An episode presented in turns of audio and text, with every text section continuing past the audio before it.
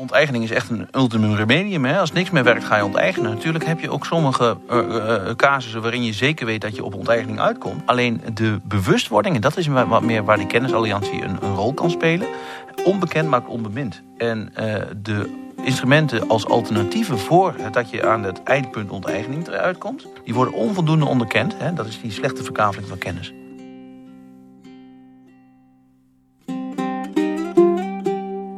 Welkom bij de podcast van Wie is Kennis. We willen veel met het land, heel veel.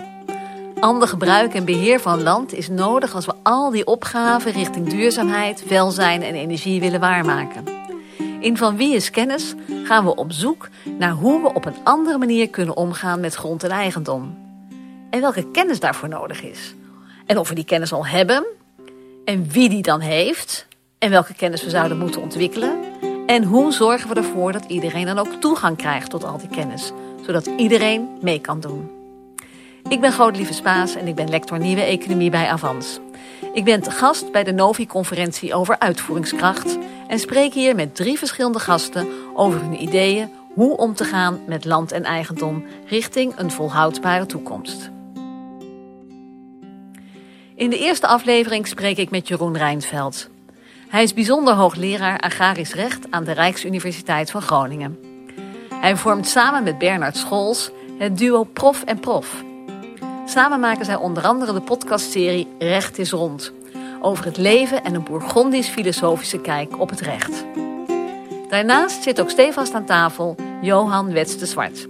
Hij is strategisch beleidsmedewerker grond en vastgoed bij de provincie Zeeland. Jeroen Rijnveld en Johan Zwart zijn samen de initiatiefnemers van de kennisalliantie Grond en Eigendom.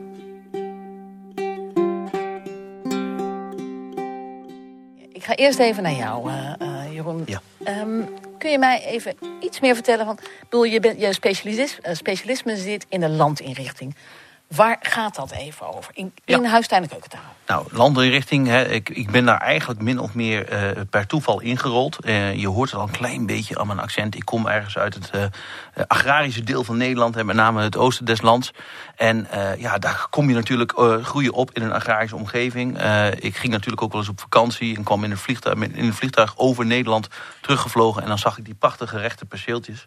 Alleen toen wist ik nog helemaal niet dat dat ooit mijn uh, uh, onderzoeksveld zou worden. Dus mijn eerste stageopdracht, om maar even heel kort te vertellen hoe dat gekomen is, was een kavelruil. Ik kwam op een notariskantoor te werken. Ik heb notarieel recht gestudeerd. En ik werd in één keer een wereld ingetrokken. Wat, uh, ja, dat fascineerde mij maatloos. En dat heeft me eigenlijk nooit meer losgelaten. dat mensen vrijwillig aan de tafel zitten. Met elkaar gaan ruilen. Eigendommen gaan ruilen. He, met name in agrarische zin vaak, vaak nog wel met wat emoties beladen. En, en dat dat allemaal uh, juridisch en fiscaal gefaciliteerd wordt door de overheid. dat is natuurlijk uh, de kers op de taart.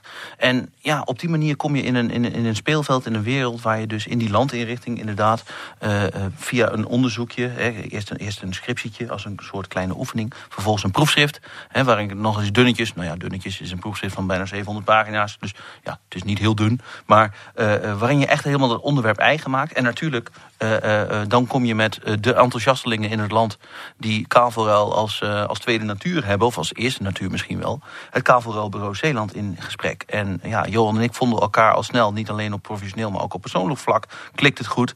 En ja, toen dachten we, hoe kunnen we nu de kennis in Nederland... die zo slecht verkaveld is, misschien nog wel slechter dan het gemiddelde grondbezit in Nederland... Hè, hoe kunnen we die kennis nou ook bij elkaar brengen? Oké, dus je wilt kennis verkavelen. Ja. Of ruil, ver, uitruilen, zullen we ja. even zeggen. Allemaal vrijwillig uiteraard. Hè? Allemaal vrijwillig. Nou, laten we eerst even, even terug naar dat uh, ruil verkavelen. Want daar heeft Nederland natuurlijk best een traditie in. Zeker.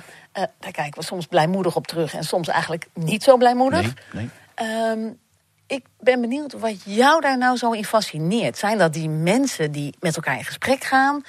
Is dat de gedachte dat je dat land helemaal anders kan maken door te ruilen? Wat fascineert jou? Een combinatie van eigenlijk. Ik, eh, zoals ik al vertelde, mijn eerste ervaring was via een stageopdracht... waarin er gewoon letterlijk aan, aan de tafel bij de notaris een aantal agrariërs... en er zat iemand vanuit de overheid bij. En die kwamen dus tot, tot een akkoord met elkaar. Hè. Dus dat intermenselijke stuk, hè, naast de civiele en fiscale wereld... Eh, met name dat intermenselijke stuk, dat, dat fascineert me nog steeds mateloos. Hè, waarbij je zegt ja, we, we kunnen wel al die regels, hè, die zijn natuurlijk ook super belangrijk en super interessant. Maar met name de psychologie van het ruilen, noem ik het wel eens. Hè, dat is mij ook heel erg, uh, gaat mij na het hart. Uh, waarbij je natuurlijk inderdaad, zoals je al zegt, Nederland heeft daar een ambivalente houding hè, tegenover. Dat wisselt wel eens in de loop der jaren. Ik zie daar ook de tijdgeest in terug. Hè, de jaren 50, 60, 70 van de vorige eeuw. Hè, de naam Sikkel Mansholt die zal dan ook vallen. Hè, de grote kartrekker van de kavelruil. Ja, toen was het logisch, was het ondenkbaar... dat er een ander belang in het landelijk gebied speelde... dan het agrarisch belang niet meer voor te stellen tegenwoordig. Maar is dat, was dat, dat was het agrarisch belang, maar Zeker. ook het economisch belang uiteraard, van de agrariër. Hè? Ik bedoel, het was schaalvergroting, ja. het was meer, uh, ja. het was die voedselzekerheid ja. verzorgen. Dus we wilden mooie rechte lijnen. We zijn heel veel natuur, natuur, verloren. Dat is de implicatie. Hè. Uh, denk nog steeds onbedoeld. Hè, maar, maar door die eenzijdige focus op die landbouwbelangen... en op nooit meer honger. Hè. Het is ook allemaal wat te verklaren vanuit de, uh, de historie. Maar is, is dat enigszins scheef gegroeid? Aan de andere kant, daar komt een correctie op. Dat zie je in de loop van de jaren zie je dat steeds meer. Dat men toch wel wat meer genuanceerd gaat denken. En ook de correctie. En die vind ik zo mogelijk nog interessanter. Maar daar komen we straks misschien wel op. Dat we afstappen van het uh, uh, dwingende denken. En uh, overgaan naar vrijwilligheid. Alleen ik denk dat we nu langzaam, maar dan loop ik misschien een paar stappen vooruit... Uh, weer naar een nieuw kantelpunt gaan. Waarin je met name door de alle grote opgaven die er liggen... zullen we straks misschien nog over ook komen te spreken, denk ik... Uh, weer misschien naar een soort semi-dwingende uh, nieuwe vorm van, van landinrichting moet. Hè. Dus het is een, het is een, het is een continue aanpassing van juridische kaders, fiscale kaders... maar zeker ook oog voor wat er in de samenleving speelt... en wat het, waar de samenleving behoefte aan heeft. En dan wil ik nog even, want als ik dat hoor... Hè, en we gaan straks wel specifieker ja. ook kijken naar die opgave... maar betekent het volgens mij dat er andere mensen aan tafel komen in die kavelruil. Waar je eerst die agrarische focus had, ja. had je boeren aan tafel die met elkaar uh, uh, grond gingen ruilen, zodat ieders bedrijf mm. zeg maar optim kon optimaliseren. Ja. Uh, ik kan me voorstellen dat we nu in de huidige tijd niet alleen maar boeren aan tafel hebben, maar natuurorganisaties ja. hebben, aan tafel hebben. Uh, heel andersoortige boeren hè, die proberen hmm. om landschap en of natuur en ja. landbouw zeg maar te verenigen. Natuur inclusief. Hè? Natuur ja. inclusief te maken. Uh, uh, misschien nog, hè, bedoel, ook infrastructuur. Uh, we hebben het over dijken die uh, verhoogd moeten worden en dus ook verbreed moeten worden. Dus het aantal partijen en de variatie tussen die partijen wordt groter. En daarmee wordt het volgens mij ook ingewikkelder. Ja, en dat is eigenlijk al jaren gaan. En, en Johan die, die wil zo inbreken, dus ik zal hem even snel een, een, een voorzetje geven. Ik, ik, herinner mij een prachtig filmpje van een niet nader te noemen uh, bureau... dat zich ook wel iets met kavelruil doet en toevallig in Zeeland gevestigd is. Heel waarin, waarin dus letterlijk mensen aan tafel zitten, een kaartspel. En daar zie je de verschillende belangen. Mensen laten zich niet in elkaars kaarten kijken. En, en daar zie je eigenlijk al precies heel mooi uitgebeeld... wat al jaren eigenlijk al aan de gang is sinds eind jaren ja. 80. Jij wil wat zeggen, jongen. Ja, nou, je zei net een, nieuwe, nieuwe partijen aan tafel. Dat sowieso, die zijn al aan tafel, maar die, die zullen nog verbreed worden. We hadden eerder gezegd over andere manieren van eigendom. Het huidige landinzichtingsinstrument, zoals we kennen, gaat over ruilen van eigendom. Maar in een nieuw perspectief over eigendomsdenken kan je ook over gebruikers gaan hebben. Het verkavelen van Zeker. gebruik.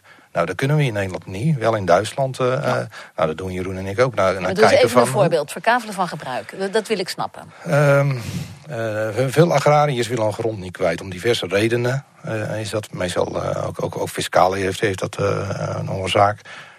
Prima, hè? Dat, op zich is dat niet zo erg. Maar gelet op de jonge generatie, jonge generatie agrariërs...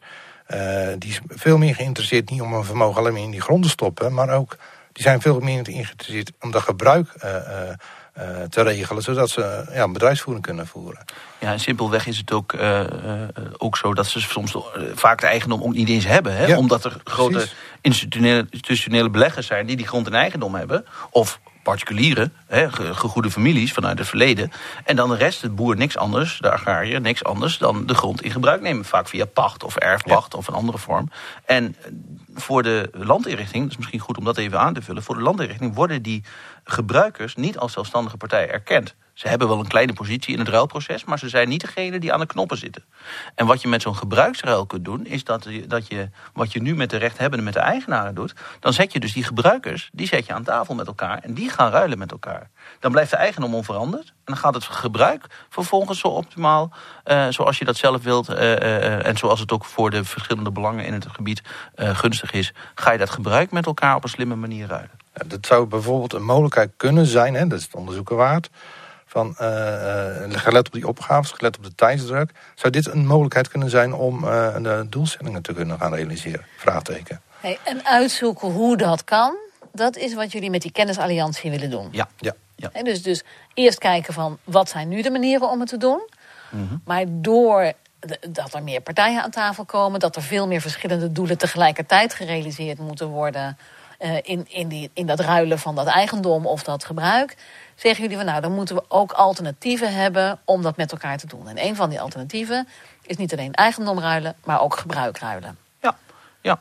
En, en het is in die zin ook, ook wel een hele logische gedachte. Want ja, we hebben nogal wat grote ambities met de kennisalliantie. Want ons eerste doel is, laten we maar eens zien dat we binnen onze landsgrenzen de kennis goed verkaveld krijgen, zoals ik al net zei.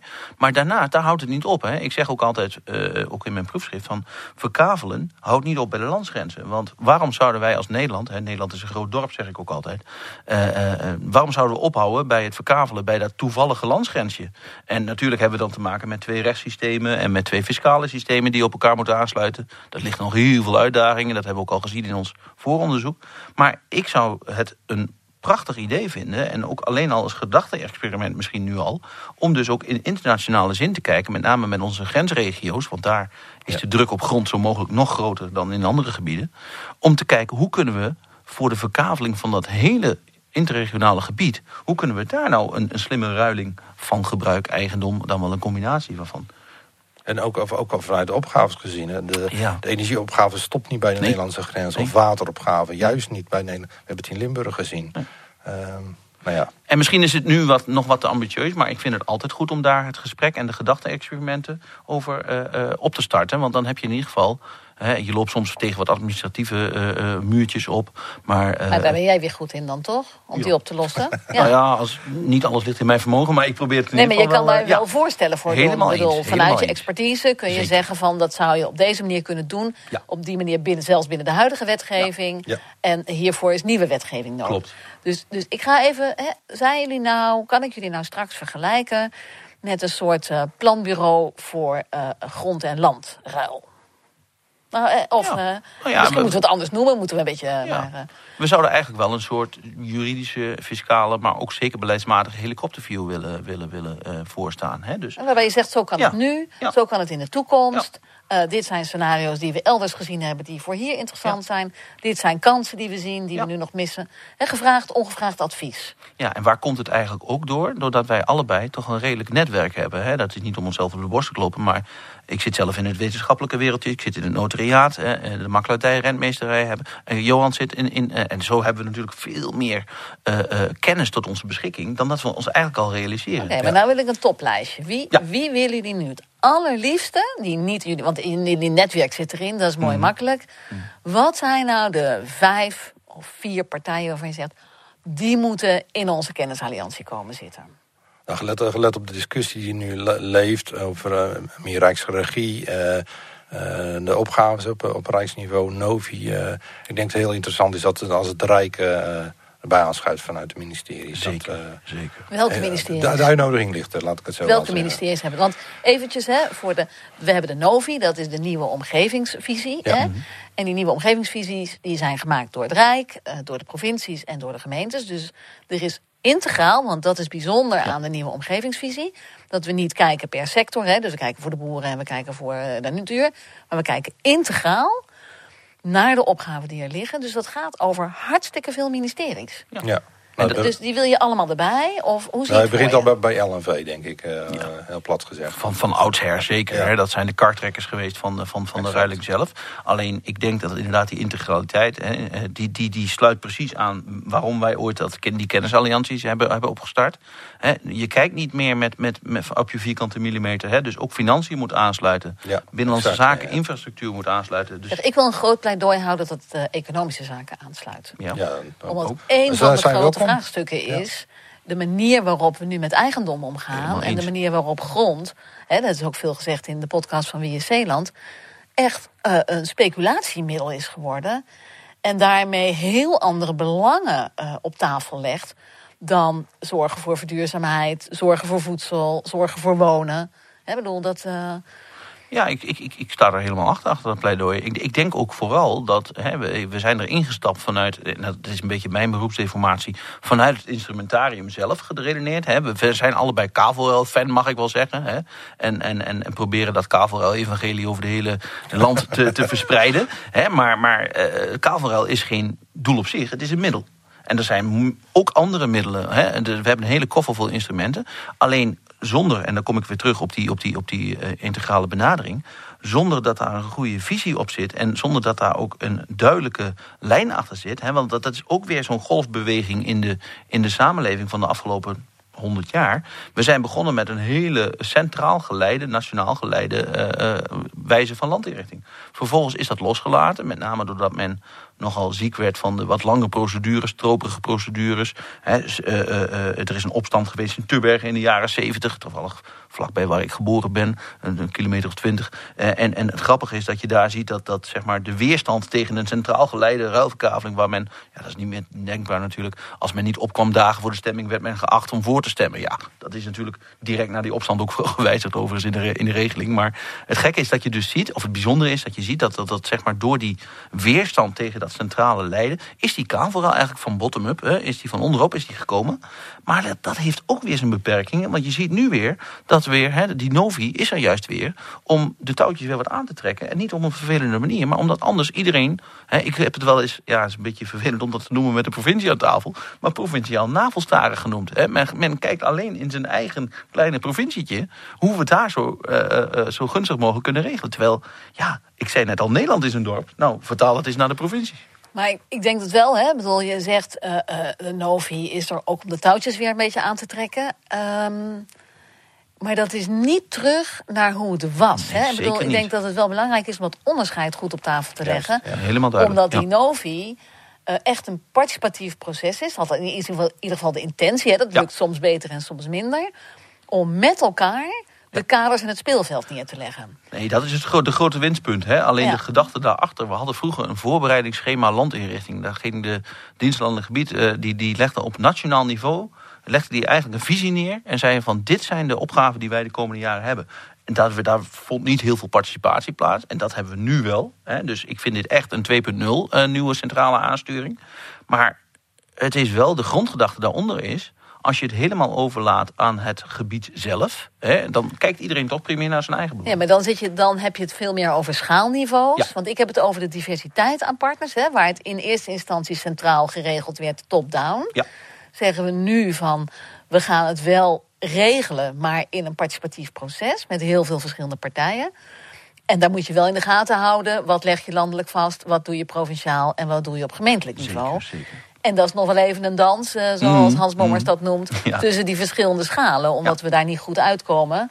He, of je nou een landsgrens hebt of een provinciegrens, het water en de wegen houden niet op. Nee, nee eens. Ja. Ik wil nog wel één stapje, want als al die verschillende partijen meedenken, Um, dan doen ze dat, punt 1, vanuit verschillende belangen. Maar punt 2 ook vanuit heel andere kennisperspectieven. Um, en ik vraag me wel eens af, hè, bedoel, uh, uh, ik, ik heb een, een, tijdje meegewerkt aan herinrichting rond, met een gebied rond Schiphol. En heel veel partijen die meededen zeiden van ja, weet je, dit is eigenlijk een beetje zinloos dat wij meepraten. We hebben op zich hele goede ideeën. We hebben ook echt kennis van zaken. Maar Schiphol is toch machtiger en heeft, heeft de grond.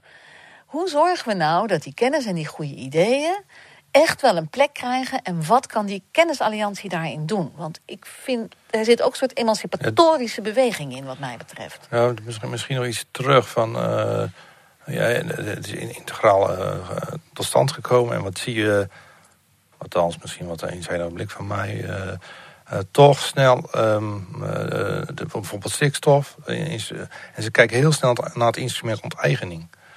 Terwijl je eigenlijk de kennis over landinrichting... die is niet meer zo aanwezig in Nederland. Uh, over dat instrument. Dus het nadenken daarover, of de voorstellen daarover... die komen ja, minimaal een beetje door. Gelukkig steeds harder en meer... Dus, de, de, de, Bewustwording ook, ja. hè? Kunnen we ja. eens even door, want ik vind die, dat stikstofdossier... En die, en die boeren op de grens met die natuurgebieden... -huh is, he, is heel interessant. Want daar wordt behoorlijk over gediscussieerd op dit ja. moment. Ja. Juist omdat inderdaad de overheid vrij makkelijk zegt... we gaan die stukken onteigenen, Ja. problemen opgelost. Hè? Mm. Ik bedoel, dan verschuif je de grens. Maar, Tuurlijk. eh, en ik hoor veel boeren zeggen van ja, dat kan je doen. Eh, maar de vraag is of dat het beste middel is. Want je Ja. transformeert de landbouw er niet mee. Terwijl we Ja, dat... ja. Klopt. We moeten het hebben over de manier waarop wij landbouw doen. En de gevolgen en de impact die dat heeft. En niet gewoon onteigenen. En, daar, en, en vervolgens daar dan iets mee doen waarvan je je af kunt vragen... Is dat het beste om ja. met dat gebied te doen? Onteigening is echt een ultimum remedium. Hè? Als niks meer werkt, ga je onteigenen. Natuurlijk heb je ook sommige eh, eh, casussen waarin je zeker weet dat je op onteigening uitkomt. Hè? Je hebt gewoon sommige mensen, daar valt niet mee te praten. Of dan moet je op een gegeven moment zulke opgaven... die zijn zo eh, eh, eh, belangrijk dat je niet anders kunt. Alleen de bewustwording, en dat is wa- wat meer waar de kennisalliantie een, een rol kan spelen. Onbekend maakt onbemind. En eh, de instrumenten als alternatieven voor het dat je aan het eindpunt onteigening eruit komt... Hè, die zijn onvoldoende, is mijn eh, perceptie althans, die worden onvoldoende onderkend. Hè, dat is die slechte verkaveling van kennis.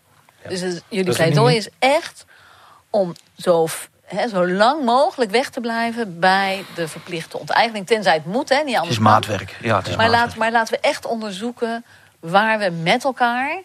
in onderlinge overeenstemming kunnen ruilen. En dan niet, niet alleen maar ruilen van eigendom... maar ook ruilen van gebruik, ook ruilen van kennis... Eens. ook Ja. ruilen... hè? Het gaat, verder. Hè, van de, de- wat zit er in de, in de instrumenten, instrumentenkoffer?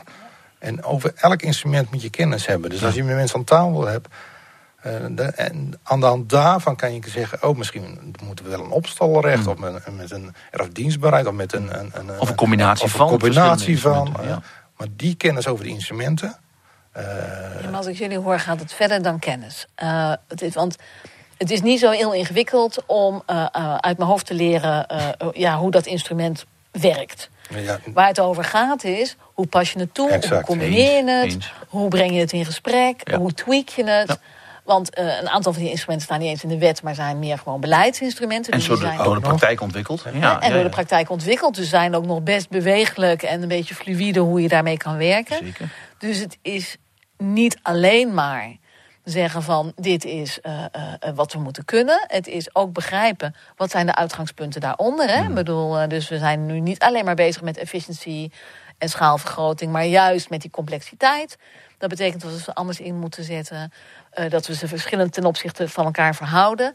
Ik, ik denk dat het wel belangrijk is. Hè? en, en de sociaal-emotionele kant van... eh, Ja, hoe want, ga je met mensen om? Hè? Die skills... eh, dat is wel mooi dat je dat zegt. Want, want inderdaad, het klinisch toepassen van instrumentarium is één. Alleen, om maar even een voorbeeldje uit de kaalverhaalwereld te nemen. Een van de, van de grote eh, eh, drijfveren waarom ik kaalverhaal zo leuk vind... is dat er een mooi psychologisch principe onder zit. Namelijk, met name als je dan alleen maar agrarisch aan tafel hebt... Hè, dat is het makkelijkste eh, voorbeeld om uit te leggen... men moet zich realiseren dat iedereen er uiteindelijk op vooruit gaat. Alleen niet iedereen evenveel. En dat is heel makkelijk gezegd, maar daar zit een wereld achter. Als je dus bereid bent om af en toe met minder dan optimaal eh, genoegen te nemen... maar nog wel zodanig dat je er aan vooruit gaat... en dat, datzelfde voorbeeld kun je dus ook uitvergroten... en op landelijk niveau toepassen. Hè? Dus als iedereen ervan bewust is dat landinrichting nodig is... Voordat we naar onteigening gaan kijken. Als iedereen ervan bewust is dat uiteindelijk een, optim- een, situatie ontstaat die voor Nederland, de BV Nederland, misschien nog wel breder dan Nederland, eh, eh, eh, uiteindelijk zorgt dat we toekomstbestendig zijn. Met alle opgaven die voor ons liggen, stikstof, duurzaamheid, noem het maar op. Nou, dan, dan is dat denken in die zin, en dan is er al een positieve grondhouding om af en toe ook een keer weer een beetje water bij de wijn te doen. En misschien blijft bij sommige mensen geen wijn meer over. Is het bijna alleen maar water. Als ik nu met jou op dit moment in die kennisalliantie zou zitten... en mee zou mogen doen met het gesprek... Gezellig. dan zou ik gevallen zijn over jouw uitspraak de BV Nederland. nou, maar dit, en ik zeg dat niet zozeer omdat ik daar... Maar, eh, maar ik denk wel, dit zijn uitgangspunten in ons denken... die maken dat we op een bepaalde manier kijken naar eigendom. En als we Nederland zien als een BV... Ja. Dan doen we iets anders met eigendom dan als we Nederland zien als een samenleving. Of Ja. als we Nederland zien als eh, een, een community. Of, eh, dus, en ik, we zijn ook een BV, eh, maar we zijn ook veel meer dan dat. En ik zou het wel mooi vinden als die kennisalliantie dat ook afpelt. En zegt vanuit welk wereldbeeld praten wij nu eigenlijk over eigendom. Helemaal eens. En de BV was ook wat overdrachtelijk bedoeld. Dus ik neem Begrijp gelijk weer een deel van mijn Nee. woorden terug naar deze vermanende... Oh ja, nee, maar het is, ik, ik, ik vind het een mooi nee, voorbeeld, nee, omdat het zo helder maakt Ja. dat we voortdurend vanuit onderliggende wereldbeelden met elkaar in gesprek gaan, Eens. zonder die op tafel te leggen. En ik, ik heb eh, eh, eh, een paar aantal gesprekken gehad over het project Ruimte voor de Rivier. En wat ik daar heel mooi vond, is dat ze voortdurend bij iedereen die meedeed in die gesprekken, zich echt afvroegen: wat drijft deze mens? Hmm. Wat is belangrijk? En voor de een is dat zijn onderneming voortzetten. Voor de ander is dat op die grond blijven wonen waar al Ja. generaties Ja. mensen op wonen. Wat een hele emotionele doelstelling is. En niks meer te maken heeft met, met daadwerkelijk die grond te willen Klopt, bewerken. Klopt. Eh, eh, en voor weer een ander is dat echt zorgen voor de natuur. Ja. Of, eh, En dat naast elkaar leggen. En dan kan ik me ook voorstellen dat je een soort potje krijgt, bij wijze van spreken, van tegelijkertijd gebruiksruil, eigendomruil. Dus Ja. dat die dingen ook door elkaar gaan lopen Ja. in Ja. één proces. Ja. Nee, maar En niet. daar start het mee, hè? die belangen helder krijgen en ook een veilige sfeer creëren. Dat mensen die belangen durven uitspreken. Hè, een, een agrariër die zegt de grond mag naar iedereen behalve naar mijn buurman. Ja, daar kun je van alles van vinden. Hè, maar dat, dat is wel een uitgangspunt. Ja. Hè, Ja, dus zeker. Daar moet je respect voor hebben. tegen, hè? Daar moet je respect voor hebben, ja. Dus ik, helemaal, ik sluit er helemaal aan op, op hoe wij er ook over denken. Hè. Dus, dus eh, eh, eh, het, het psychologische, eh, de, de, de, de, de softe kant van de ruiling, Ja. laat ik het zo maar zeggen. En van de landenrichting als geheel, die is dat is de basis. Hè. Daar kun je niet als een restpostje in het hele. Hè, je kunt niet met, met, met met een wetboek binnenkomen. Ja, dat kan natuurlijk wel. Maar je kunt niet dat wetboek als enig op tafel hebben. Je moet dat wetboek zo lang mogelijk in de tas laten. En eerst eens even praten over wat drijft iedereen. Waar, hoe zitten we hier aan tafel? En hoe komen we er op de beste manier uit? En De, dat keuken, dat de keukentafel, dat is, Ja. dat is de vertrekpunt van denken Ja. en doen. Ik herinner me ook dat ehm, ehm, bij Ruimte voor de Rivier. ehm, een van de eh, ambtenaren die daarmee bezig was, mij op een gegeven moment vertelde dat hij zei: "Wanneer- iedere keer als we vastlopen, dan is eigenlijk de neiging om naar meer dwangmiddelen toe te bewegen. Terwijl de oplossing er bijna altijd in lag om extra mensen aan de tafel Ja, te brengen. ja, om te ja. zeggen, wacht even, met de groep van vijf komen we er niet uit. Hmm. Laten we zes en zeven erbij halen, Ja. want dan kunnen we een andere puzzel leggen. Ja. Wat bijna contra-intuïtief is, hè? want je denkt, het Ja. maakt het nog moeilijker en het is nu al zo moeilijk. Ja. Dus ik kan me voorstellen dat ook in die kennisalliantie... en dat dat dan niet alleen maar is meer partijen... maar dus ook misschien wel meer ministeries. Ja, ja. En Ja. meer belangen en andere kennisdomeinen. Ja. Die ervaring hebben we ook in het Rouwbureau Zeeland eh, Ja, hoor. tien jaar lang. Precies, Ja. precies. eh, en- dat, ja. En, en ter nuancering, dat hoeft niet te betekenen dat je nooit iets met dwang kunt doen. Want Nee, dat is dat is natuurlijk. Hè, eh, Zeker. eh, daar Soms hebben we moet ook- het. Ja, ja. Maar sterker, sommige mensen vragen er ook gewoon om. Ja. Van, wil je dat instrument? Ja. Want dat is in mijn belang soms. Nou, ik Klinkt dat- raar, maar gebeurt wel. Ik zie dat in de stedelijke praktijk. Hè. We gaan straks de omgevingswet krijgen per 1 januari, hopelijk. Eh, en daar hebben we straks een, een instrument om een landinrichting op stedelijk gebied te kunnen doen. De stedelijke kavelruil. Maar wat mist er? De stedelijke herverkaveling. En dat is met een simpel argument. We missen dus een dwingend instrument. Terwijl ik zou zeggen, het houdt elkaar mooi in balans. Hè. Als we vrijwillig niet werkt, schakel je over naar dwingend. Nu hebben we een stedelijke kavelruil straks. Als dat niet lukt, gaan we her- zouden we kunnen herverkavelen, maar dat is het dus niet. En dan is het enige gat dat ertussen zit, is vervolgens de onteigening. Ja. En dan, dan missen we dus een hele mooie middenweg. Zeg, maar je kunt- Maar- brengt nu heel veel zelfsprekend Oh, ja. op tafel. Ja. Stedelijke kavelruil. Wacht even, wacht Ah, even. snel, kun je ja. even een voorbeeld geven Ja. Hoe dat Heel praktisch. Een winkelstraat eh, in een willekeurige stad of dorp eh, kent af en toe wat rotte plekken, wat gaten. Hè. Er zit wat leegstand in de winkels, in het winkelbestand. En wat zou je via een vrijwillige stedelijke kavelruil kunnen doen? Net als we in het landelijk gebied doen. We gaan ruilen met elkaar. Dus we gaan kijken, de eigenaar van winkel 1 eh, ruilt met de eigenaar van winkel 2. En we gaan alle leegstand op die manier schuiven we naar de, het einde van de winkelstraat. Hè, zo ver mogelijk weg van het centrum. En alle kansrijke winkels, hè, is maar even een heel simpel eh, voorbeeldje, schuiven we zo dicht mogelijk richting de aanloopstraat naar het centrum. Dat betekent dat je op die plek waar die leegstand straks geconcentreerd is, kun je gaan herontwikkelen. Op die manier, dat zou je ook met verpauperde bedrijventerreinen kunnen doen. Als er één of twee leegstand of, of, of, of zwaar verouderde bedrijven op een industrieterrein staan. Ruil die allemaal mooi naar, een, naar één plek toe. Vervolgens kun je dan. Maar dat moet dus op vrijwillige basis. En, en ik wil niet altijd cynisch zijn, en zo zit ik helemaal niet in elkaar namelijk. Maar als je de dwang eh, van de herverkaveling hier mist. Hè, in het landelijk gebied is het al lastig om alle belangen op tafel te krijgen. Je eens voorstellen in de stad. Hè, we hebben eh, een particuliere eigenaar van, van een, laten zeggen, een groente- en fruitbedrijfje. Hè, die zijn pensioentje in de winkel heeft zitten. We hebben daarnaast de Action of de Primark met, met internationale eh, eh, partijen. En die moeten allemaal op vrijwillige basis met elkaar gaan ruilen. En als dat niet lukt, hebben we alleen nog maar de onteigening over. Ik wil niet al te sfeer, hè, moet, moet vrolijk Maar blijven. je wil een soort maar- continuum ontwikkelen, begrijp ik. Hè? Wat, Ja. wat je in het begin ook al zei, Ja. semi-dwang. eh, Juist, en, noemde en, je en, dat. en- en wat ik daar met name mee wil zeggen, want daarom maakte ik even dat uitstapje naar de stad, is dat het feit dat die herverkaveling er tussenuit gevallen is, is te wijten aan onvoldoende, toch denk ik dat het zo is, hè, onvoldoende kennis bij, in dit geval was dat het ministerie van eh, Infrastructuur, over de voordelen van het instrument. Want er is gezegd, herverkaveling lijkt ons te veel op onteigening, dus dat willen we niet. Melanie Schultz van Hagen heeft dat destijds gezegd. En, en, en eh, dat, dat gaat niet om haar. Ik bedoel, zij heeft een ambtenaarapparaat achter zich gehad die dat, die dat standpunt hebben ingenomen. Maar daar, daar zie je maar weer dat, dat op die manier, door een politieke keuze, missen we dus een heel belangrijk instrument in onze koffer. Maar wat je eigenlijk zegt, is dat een aantal keuzes genomen worden door onkunde en niet zozeer door letterlijk te weten hoe dat instrument werkt, maar door onkunde Ja. op de speelsheid en het continuum Eens. en, Ja. de, en de toepassing van die instrumenten. Ja, of door En- gebrek, zo simpelweg gebrek aan, aan, aan het juiste perspectief. Hè. Dat kan natuurlijk ook. Hè. En gebrek aan creativiteit Ook dat, ook dat, ook dat. Want ja. de- ik wil nog heel even naar die, naar die stad. Eh, eh, en ook naar het agrarisch. Want Hmm. ik hoor je steeds voorbeelden geven van eh, eh, ruilen tussen ondernemingen. Nou, hoeft niet. Hè. Ik kan dat ook met particulieren. Zeker, Dus als kan, daar het, een kunnen, kan het allemaal door elkaar. Als er een eigenaar van een woningje tussen zit, of er zit een appartementencomplex tussen, hè, dan, dan kan dat ook allemaal. En scholen. Scholen, En, eh, kerken, van alles. Ja. Ja. en je zou in die stad natuurlijk ook weer. Ik bedoel, een van de dingen die ik in de stad voortdurend merk. is al die scholen zijn s'avonds leeg. Hmm. Dus wat kan je doen? Ook met gebruik, gebru- hè? Ook Ja. gebruik. Ja. Dus je kan daar Ja. ook gebruik gaan ruilen. Je kan daar. Alleen daarin hebben- zijn we nog niet ver genoeg, want ook die stedelijke kavel is een eigenaarsverkaveling. Hè, net zoals we nu hebben. Ja, ja, dat begrijp ik. Daar zijn we nog niet. En wat natuurlijk ook wel meespeelt, is dat die stedelijke kavelruil... maar dan komen we op een heel ander eh, terrein. Hè, misschien wat, wat te- voert dat te ver voor deze podcast... maar heeft natuurlijk ook een hele belangrijke fiscale kant. Hè. Ook in het landelijk gebied kunnen we namelijk, als we in het landelijk gebied alles, alles goed doen... we blijven binnen de lijntjes kleuren... dan kunnen we vrij van overdrachtsbelasting ruilen. Nou, moet je je voorstellen, als je dat binnen de stad zou doen... en dat, dat snap ik wel, die politieke keuze... dan zou er niemand meer een AB-levering gaan doen van onroerend goed. En dan zou de prins met de grote bril... zou meteen de stedelijke kavelruil gaan toepassen... want hij betaalt dan geen overdrachtsbelasting meer. En, Ah, ja, ja. Dus dit soort instrumenten geven ook ruimte aan mensen om belasting te ontduiken. Dat is eigenlijk Ja. wat je zegt, hè? Nou, of om daarmee Maar wat, wat is er in, in, in, in gelukkig eh, voor, voor, de, voor de financiën, hè, voor de minister van Financiën wel gezegd. Hè, als we dit gaan doen, kunnen we net zo goed de overdrachtsbelasting afschaffen. Dat is niet letterlijk zo gezegd, maar wel impliciet.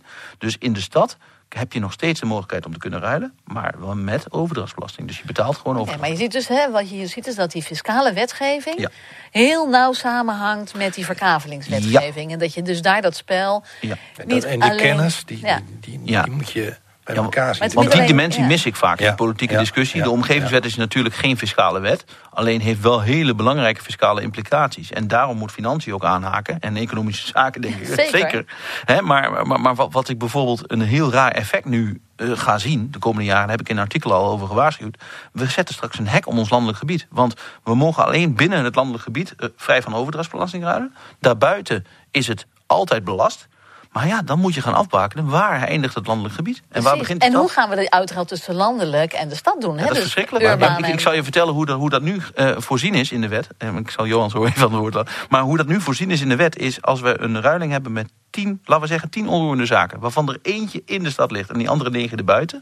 Dan is die ene stedelijke onroerende zaak blaast de hele kavelruil op. In die zin dat je daardoor geen enkele fiscale vrijstelling krijgt voor die hele kavelruil. Terwijl de negen gewoon buiten, in het buitengebied liggen. Ja, ik, ik word er bijna kwaad over, maar Ja, zo ik zit ik niet in elkaar. Maar, nee, maar goed, je, zegt de noodzaak voor die kennisalliantie... Ja. die dit soort gesprekken aangaat, die dit effecten. uitpuzzelt... Die, die hadden we moeten en daarop voorkomen. adviseert, dat is, dat is jullie doel, hè? Helemaal. Johan, je wil al een hele tijd Ja, ertussen. ja, nu, zien- nu Ja. zien we die kennis eh, eh, verspreid liggen. Maar voor een eigenaar aan die keukentafel zit die kennis allemaal bij hemzelf. Ja. Dus de- dat zijn, dit zijn wel allemaal overwegingen waarom die wel of niet met de opgave mee gaat doen. Ja. Of waarom die eh, getriggerd wordt om eh, Ja. te zeggen... ja, wacht eens, als ik het heel, alles bij elkaar is het helemaal niet gunstig voor me. Dus, Hmm. Terwijl die in, eh, in zijn diepste wel misschien gemotiveerd is... Ja. om juist eh, aan de energietransitie als voorbeeld Ja, eh, ja. bij te dragen.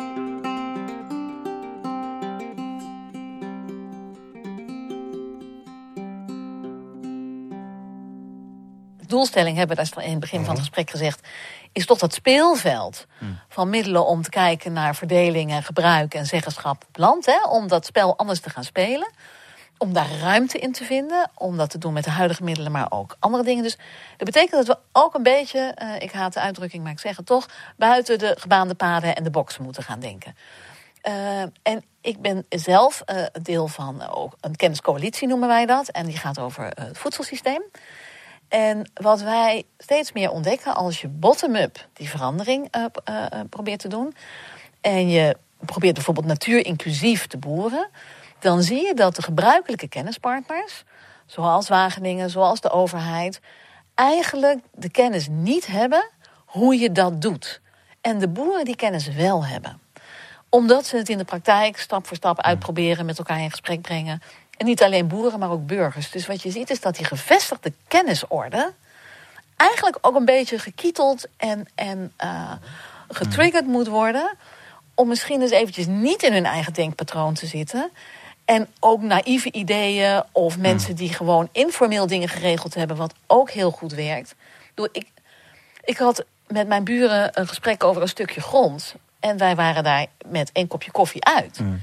En we kregen bijna geen notaris gevonden die die overdracht wilde doen om niet. Die zeiden, ja, maar uh, dat ga ik niet doen. Er zijn altijd problemen. Ik zeg, ja, maar het is hmm. geregeld. Dus dus je ziet, dus het is echt tijd voor andere stemmen daarin. Ja, maar en Johan, jij, Wees welkom. Ja, zeker. Daar doe ik natuurlijk ook mijn best voor. Uh, maar wij hebben met, uh, in die zoektocht daar naar binnen Zeeland... bewust kunstenaars erbij betrokken. Daar was jij een groot voorstander van. Waarom en hoe zie je dat binnen die kennisalliantie? Nou, precies da uh, daarom, hè, om je, je raakvlak of je, je grens op te rekken over het denken... Dus ook, eh, dat moet leiden tot misschien anders doen of anders. Ja, dat inspireert sowieso. Um, dus anders blijf je in dezelfde cirkel lopen. Dan ga je elkaar overtuigen van een, een kunstje. Hmm. En het, ja, kamervrouw, het, is, het is geen kunstje. We leven in een andere maatschappij. We hebben andere toekomstbeelden. we hebben, nou ja, dat moet vertaald worden.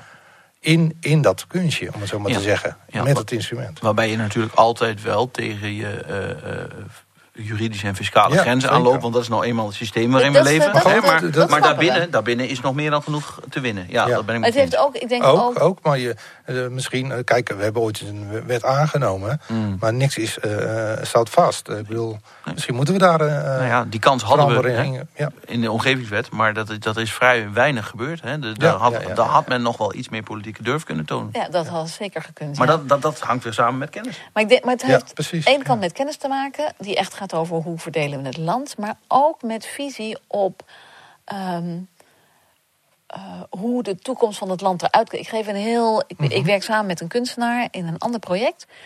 En die uh, uh, maakt een, ehm, een voorbeeld van hoe je in de stad bomen kunt planten, dus bos kunt maken. Wat gebruikt wordt voor dataopslag. Hmm. Als we, en theoretisch zijn we zover dat dat kan. Als we nu nadenken over uh, Nederland, hè, is toch echt ook een land met data, kennisland. Mm. Dan denken we aan grote boksen die ergens moeten staan in de middle of nowhere. Dus we bereiden ons voor ook op verkavelingen en ruilen die dat mogelijk maken. Terwijl als je deze opties mee gaat wegen, of in ieder geval in je fantasie langs laat mm. lopen, mm. ga je ook andere mogelijkheden zien en andere belangen zien en andere ja. Uh, ruilmechanismen zien die niet alleen maar te maken hebben met uh, gebruikersruil, maar met gecombineerd gebruik. Ja, ja. meervoudig ja. Uh, ja, precies, meervoudig. En, en dat dat veel gelaagder wordt dan wat we nu alleen maar zien tussen gebouwen, natuur en landbouw en, en een paar wegen, zullen we maar zeggen. Ik sla het een beetje plat. Maar, dus, dus in hoeverre wil je dat die kennisalliantie ook dat soort gedachten toelaat om dat gesprek te voeden? Nou ja, je zei net al dat, dat, dat, ik onder meer betrokken ben bij een podcast. Dat heet trouwens Prof en Prof. Hè, waarbij we met twee hoogleraren vrij, vrij uitpraten onder het motto recht is rond. Hè. De recht moet zich aanpassen aan wat er in de samenleving gebeurt. Je hebt daar natuurlijk een vertragende factor in. Hè, want we zien nu bijvoorbeeld in de landinrichtingswetgeving de laatste honderd jaar. Het duurt heel lang. Voor, hè, de, de praktijk loopt altijd ver vooruit op, op het juridische jasje. En het juridische jasje is in die zin uh, uh, niet zo makkelijk meer op maat te maken. En misschien moeten we daar eens over nadenken. Van waarom maken we die jasjes allemaal zo star... dat bij iedere min of geringste uh, aanpassing... we weer een hele wetswijziging nodig hebben. Dus dat is, dat is één. Maar twee is als aanjager van die discussie moet je natuurlijk zoveel mogelijk uh, andersoortigen in je eigen club hebben. Want anders dan, dan, dan, dan loop je vast in je denken. He, dus kaalverruil, eh, ik, ik vind de kunst van het ruilen, he, daar kun je ook letterlijk op opvatten. He. Dus ja, maak voor mij maar een kaalverruil schilderijtje. Ik ga hem wel boven het bed. Dus ik, ik, vind het, ik vind het in die zin mooi om daar een kunstenaar, oh, ja, is maar één voorbeeld. He, maar bijvoorbeeld ook een filosofisch bij te betrekken. Ja. Uh, om te kijken van, goh, hoe kunnen we nou, we maken elkaar daardoor sterker. Maar even om te voorkomen dat het een, een heel abstract uh, iets is, hè, de, de kennisalliantie. Het is ook bedoeling dat we inderdaad gewoon mensen ja, opleiden die bij overheden, uh, wetenschap, hmm. Zeker, maar dat is super helder. Hè? Nee, natuurlijk. Dat hebben we ook oh, heel erg met elkaar net verkend en echt gezegd van dat is de basis. Maar dat speelt dit kan een element zijn. Daar wilde ik nog wel eventjes... Ja. Wij zijn uh, door onze tijd heen. Dus ik ga jullie vragen, is er nog een laatste opmerking die je mee wilt geven? Je zegt van nou, ik ga niet weg zonder dat gezegd te hebben. Jij mag eerst, uh, Jeroen. Nou, ik denk toch zeker dat we die, die, die, die psychologie van, van het ruilen of het verkavelen... dat we daar zeker... Uh, uh, ja, dat is eigenlijk de basis van alles. Hè. Als het in de, in, de hoofden van de mensen niet, niet landt... dan kunnen wij kennis verspreiden voor wat we willen. Hè. Kunnen wij dat kavel-evangelie overal laten landen. Maar in de hoofden van de mensen moeten klikken komen. En ik denk dat dat een mooie opgave is voor ons. Oké, dankjewel. En uh, Johan? Ja, de, de, uitnodiging denk ik, hè, die van uh, de, luisteraar of uh, degene die zich geïnspireerd voelt. meld je aan. Dus iedereen mag meedoen? Uiteraard. Dit was Van Wie is Kennis. Bedankt voor het luisteren. In de volgende aflevering spreek ik met Hans Mommaas, directeur van het Planbureau voor de Leefomgeving. Je vindt de aflevering in de podcast-app of op de website van Wie is Zeeland. Wil je meedenken of meedoen met de totstandkoming van de Kennisalliantie Grond en Eigendom? Je kunt je reactie kwijt via grondbeleid.zeeland.nl. Deze podcast werd mede mogelijk gemaakt door de provincie Zeeland, de Kennisalliantie Grond en Eigendom en Allard Amelink.